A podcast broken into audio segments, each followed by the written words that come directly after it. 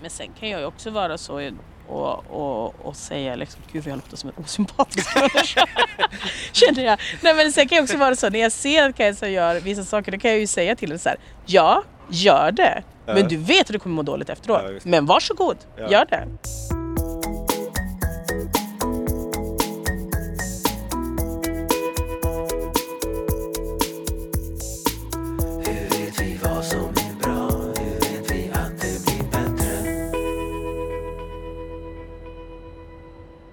Kafferast i Kunskapsfabriken.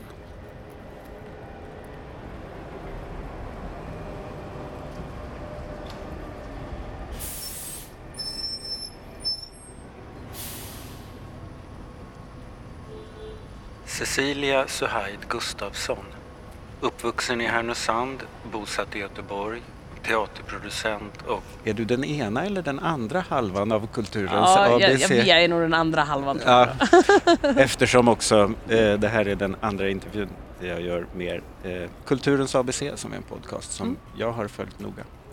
Och där ni eh, har ett öppet samtal om väldigt många saker och bland annat har det då dykt upp om Kajsa Stinas egen hälsa. Mm.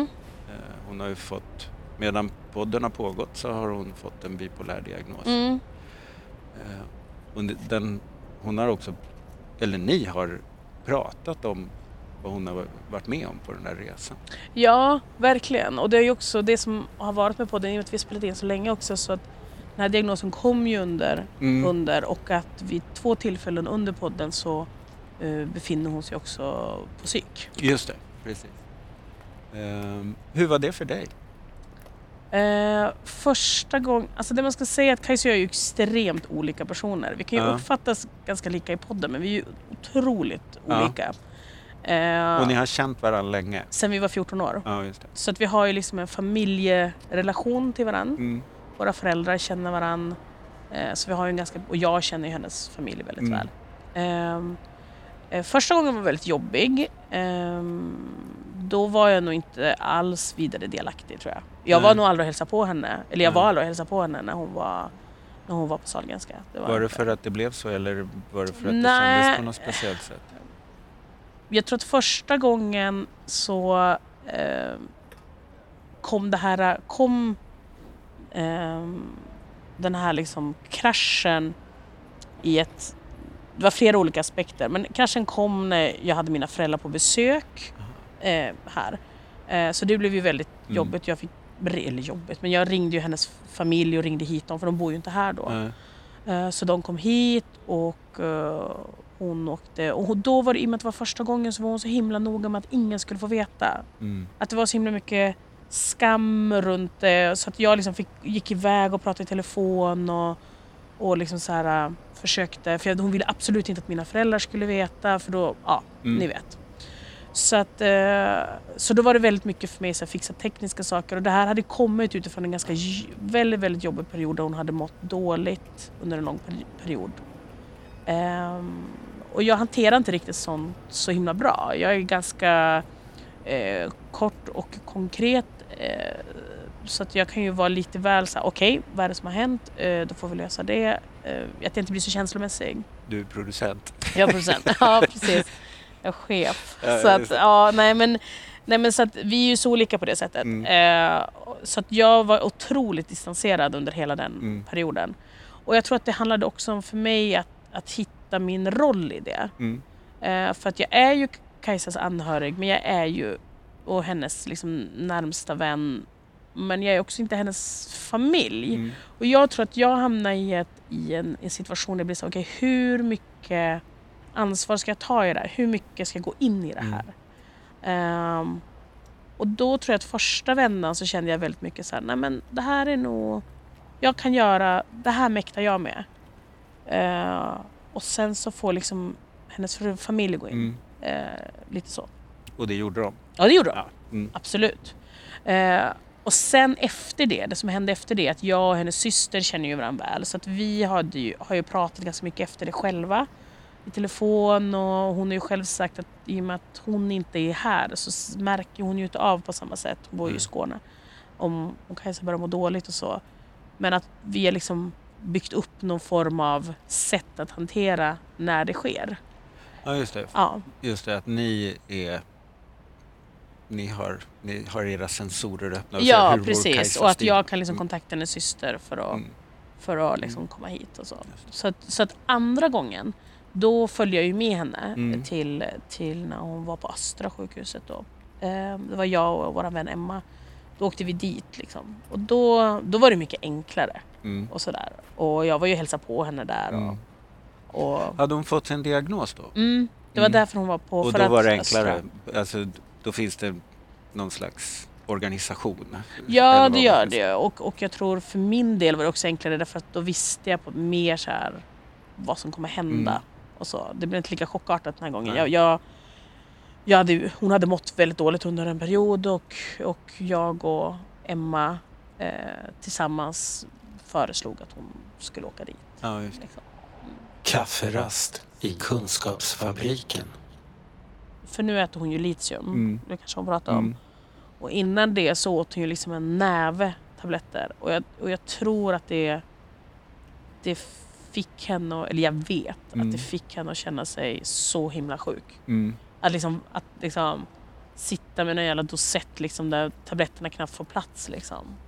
Ehm, och eh, ja, det är inte kul. Och sen biverkningar, jag vet ju att hon tycker det är jättejobbigt till exempel att skaka. Mm. Är liksom en sån bild, för det Mm. blir så fysiskt. Mm. Man känner sig jävligt ämlig. Ja, Mm. precis. Eh, och sen vet jag ju också, det vet jag inte om hon pratar om, men att hon inte alltid tycker att det funkar. Nej, så är det ju definitivt. ja. Ja, det, Eh, jag som utomstående mm. kan ju se en, en skillnad. mm. när Till det hon- bättre. Till det bättre. Eh, att hon liksom ändå håller en, en stabilitet Mm. ändå. Mm. Och att hon är ledsen, absolut. Eh, men att det kanske inte håller i sig lika länge. Nej. Eh, och så.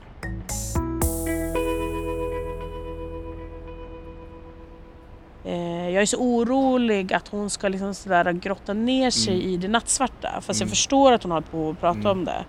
Men som, som, eftersom jag känner henne så, så vet jag också att ibland så kan saker bli så himla himla mörkt. Och då liksom försöker liksom så stoppa det och försöker då bli väldigt konkret Mm. och, och så. Och det är ju inte kanske alltid det man behöver. Nej. Liksom. Det förstår jag. Nej, det där är ju verkligen delikat i alla relationer Mm. med människor som Mm. man bryr sig om. Ja, verkligen. Och där är vi också olika. Och det tror jag inte folk inte heller riktigt... Eller folk kanske tänker på det när de lyssnar på podden. Men jag är ju inte så himla känslomässig. Nej. Eh, och det kan ju också vara svårt Mm. eh, att mötas i det. Eh, för oss. Du kan låta rätt tuff jag kan låta väldigt grejer. tuff, jag kan Ja. låta väldigt hård. Och, Mm. Det måste ju inte vara att du skambelägger eller skuldbelägger utan det är ju mer att det, ni verkar ha hittat era roller där ändå. Ja, det tror jag. Både och Mm. tror jag. Nej, men jag tror inte jag skam eller skuldbelägger utan jag tror snarare det att jag kanske inte riktigt ger henne alltid eh, tid att kanske så här, äh, få liksom analysera och, och prata Mm. under lång tid. Men eh, jag tror bara att det är att vi är olika som personer.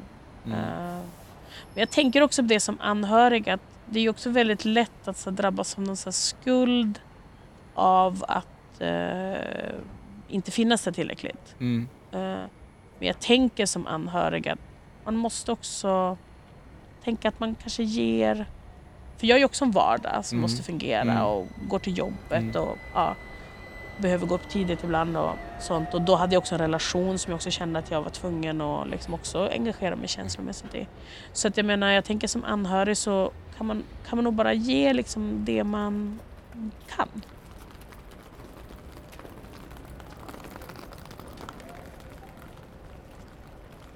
Jag ju se en stor skillnad från första gången och andra gången. Mm.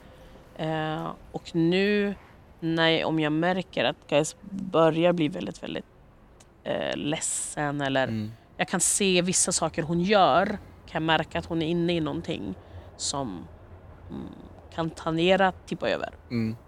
Det, är inte, det, det gör inte alltid det, men, men jag kan Mm. märka liksom vissa beteenden. Och, eh, så nu tror jag att jag är mycket snabbare att säga så här, men vill du, vill du att vi ska liksom åka in Mm. så kan vi göra det. Det är ingen Mm. big deal. Mm.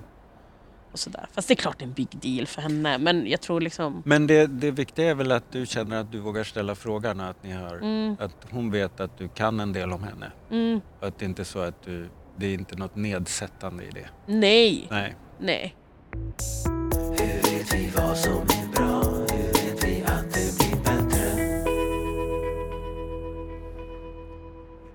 Det där du säger att du kan se förbättringar. Mm, ja. För det, vissa förbättringar är väl kanske också lättare att se utifrån. Mm.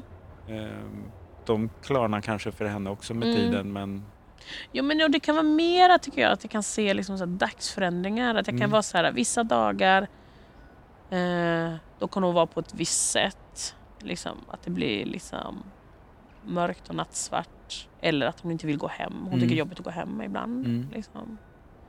Eh, men sen är det vissa dagar när vi har det härligt och äter våra söndagsmiddagar liksom, på plankan. Och, och, så är det, och så är det bra. mm. Så går vi hem Mm. och så är det ingen big deal. Så Mm. det är liksom det, jag kan se att liksom det finns en lätthet där vissa dagar. Mm. Som det inte gjorde förut. Påtalar du det för henne? Mm, nej det gör jag inte. För då tror jag att de kommer säga såhär, nej men så är det inte. Ja. Nej det gör jag inte. Jag är, lite, en, jag är ju lite dålig på det där alltså. På det här med komplimang. Men en annan sak som jag har reflekterat över med tanke på att ni gör podden och jag har knarkat alla era avsnitt. Alla här, 87. Alla 87 avsnitten. I princip så är det ju så att podden när den börjar så gissar jag att det är strax efter det som hon börjar må ganska dåligt. Mm. Och hon har gjort 87 poddavsnitt. Ni har liksom blivit en slags kultur eh, happening i Göteborg Mm. med mera. Mm. Ni kör livepoddar, ni blir engagerade av andra och kommer med i andra radioprogram Mm. och sådär. Och uppenbart har ju hon också börjat skapa mer arbete för sig själv. Absolut. Allt detta har hon gjort samtidigt Absolut. som hon ju på ett sätt också har skakat ordentligt. Mm. Så att eh, Även om det är tufft att vara Kajsa så har hon ju inte legat på latsidan. Eller, Nej, verkligen. Det är det jag säger. Att hon är så fruktansvärt kreativ och hon gör så mycket saker. Så att jag är ju egentligen liksom inte orolig för henne Nej. alls. Och jag tror det är därför också kanske just det här att min hårda yta. För att jag ser ju att hon gör Mm. ju saker. Jag ser alltså hur dåligt hon är. Jag är ju mycket sämre på det. Att jag är ju mycket mer så här, nej men jobbar så kommer jag inte hinna. Medan Kajsa hon verkligen tar sig tiden till saker och ting.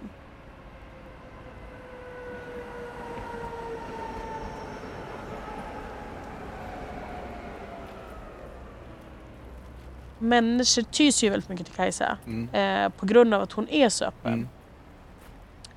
Och berättar om, om sina problem. Och det är, är ju jättebra. Och jag tror att Kajsa hanterar det på ett ganska bra sätt. Eh, men ibland så är jag liksom, känner jag att ehm, kanske... Att jag söker upp. Jo, ja, ja, fast det här kan ju vara liksom när Kajsa är ute och äter. Ja, liksom. ja, ja, och liksom, du vet, Mm. på, och folk Mm. kommer fram säkert klockan ett på natten och liksom vill prata om psykisk Mm. ohälsa. Och hon tar sig verkligen tiden Mm. och hon är verkligen... Men ibland kan jag känna lite... Hon måste också bara få vara. Hon, hon måste också få ha sin vardag. Så Kajsa är så jävla smart och hon är liksom... Ja, men hon är verkligen så jävla duktig. Och när hon gör liksom sitt master och hon har gjort liksom en fantastisk föreställning som hon ska visa hos oss. Mm. Men hon har ju liksom, den har ju tvivlat på så mycket nu så Mm. att liksom, alltså hon ringde ju mig liksom, du vet, skulle lägga ner den där en gång, liksom två på natten och jag var så här, ja vi pratar om det här på måndag, hej då. Ja. liksom. och, och, eh, och jag vet att hon kommer göra det och jag vet att hon kommer göra det fantastiskt. Den här podden görs av NSPH, Nationell samverkan för psykisk hälsa. Läs mer på vår hemsida www.nsph.se eller följ oss på Facebook, Kafferast i Kunskapsfabriken. Vad spännande att höra vad Kajsa har sagt.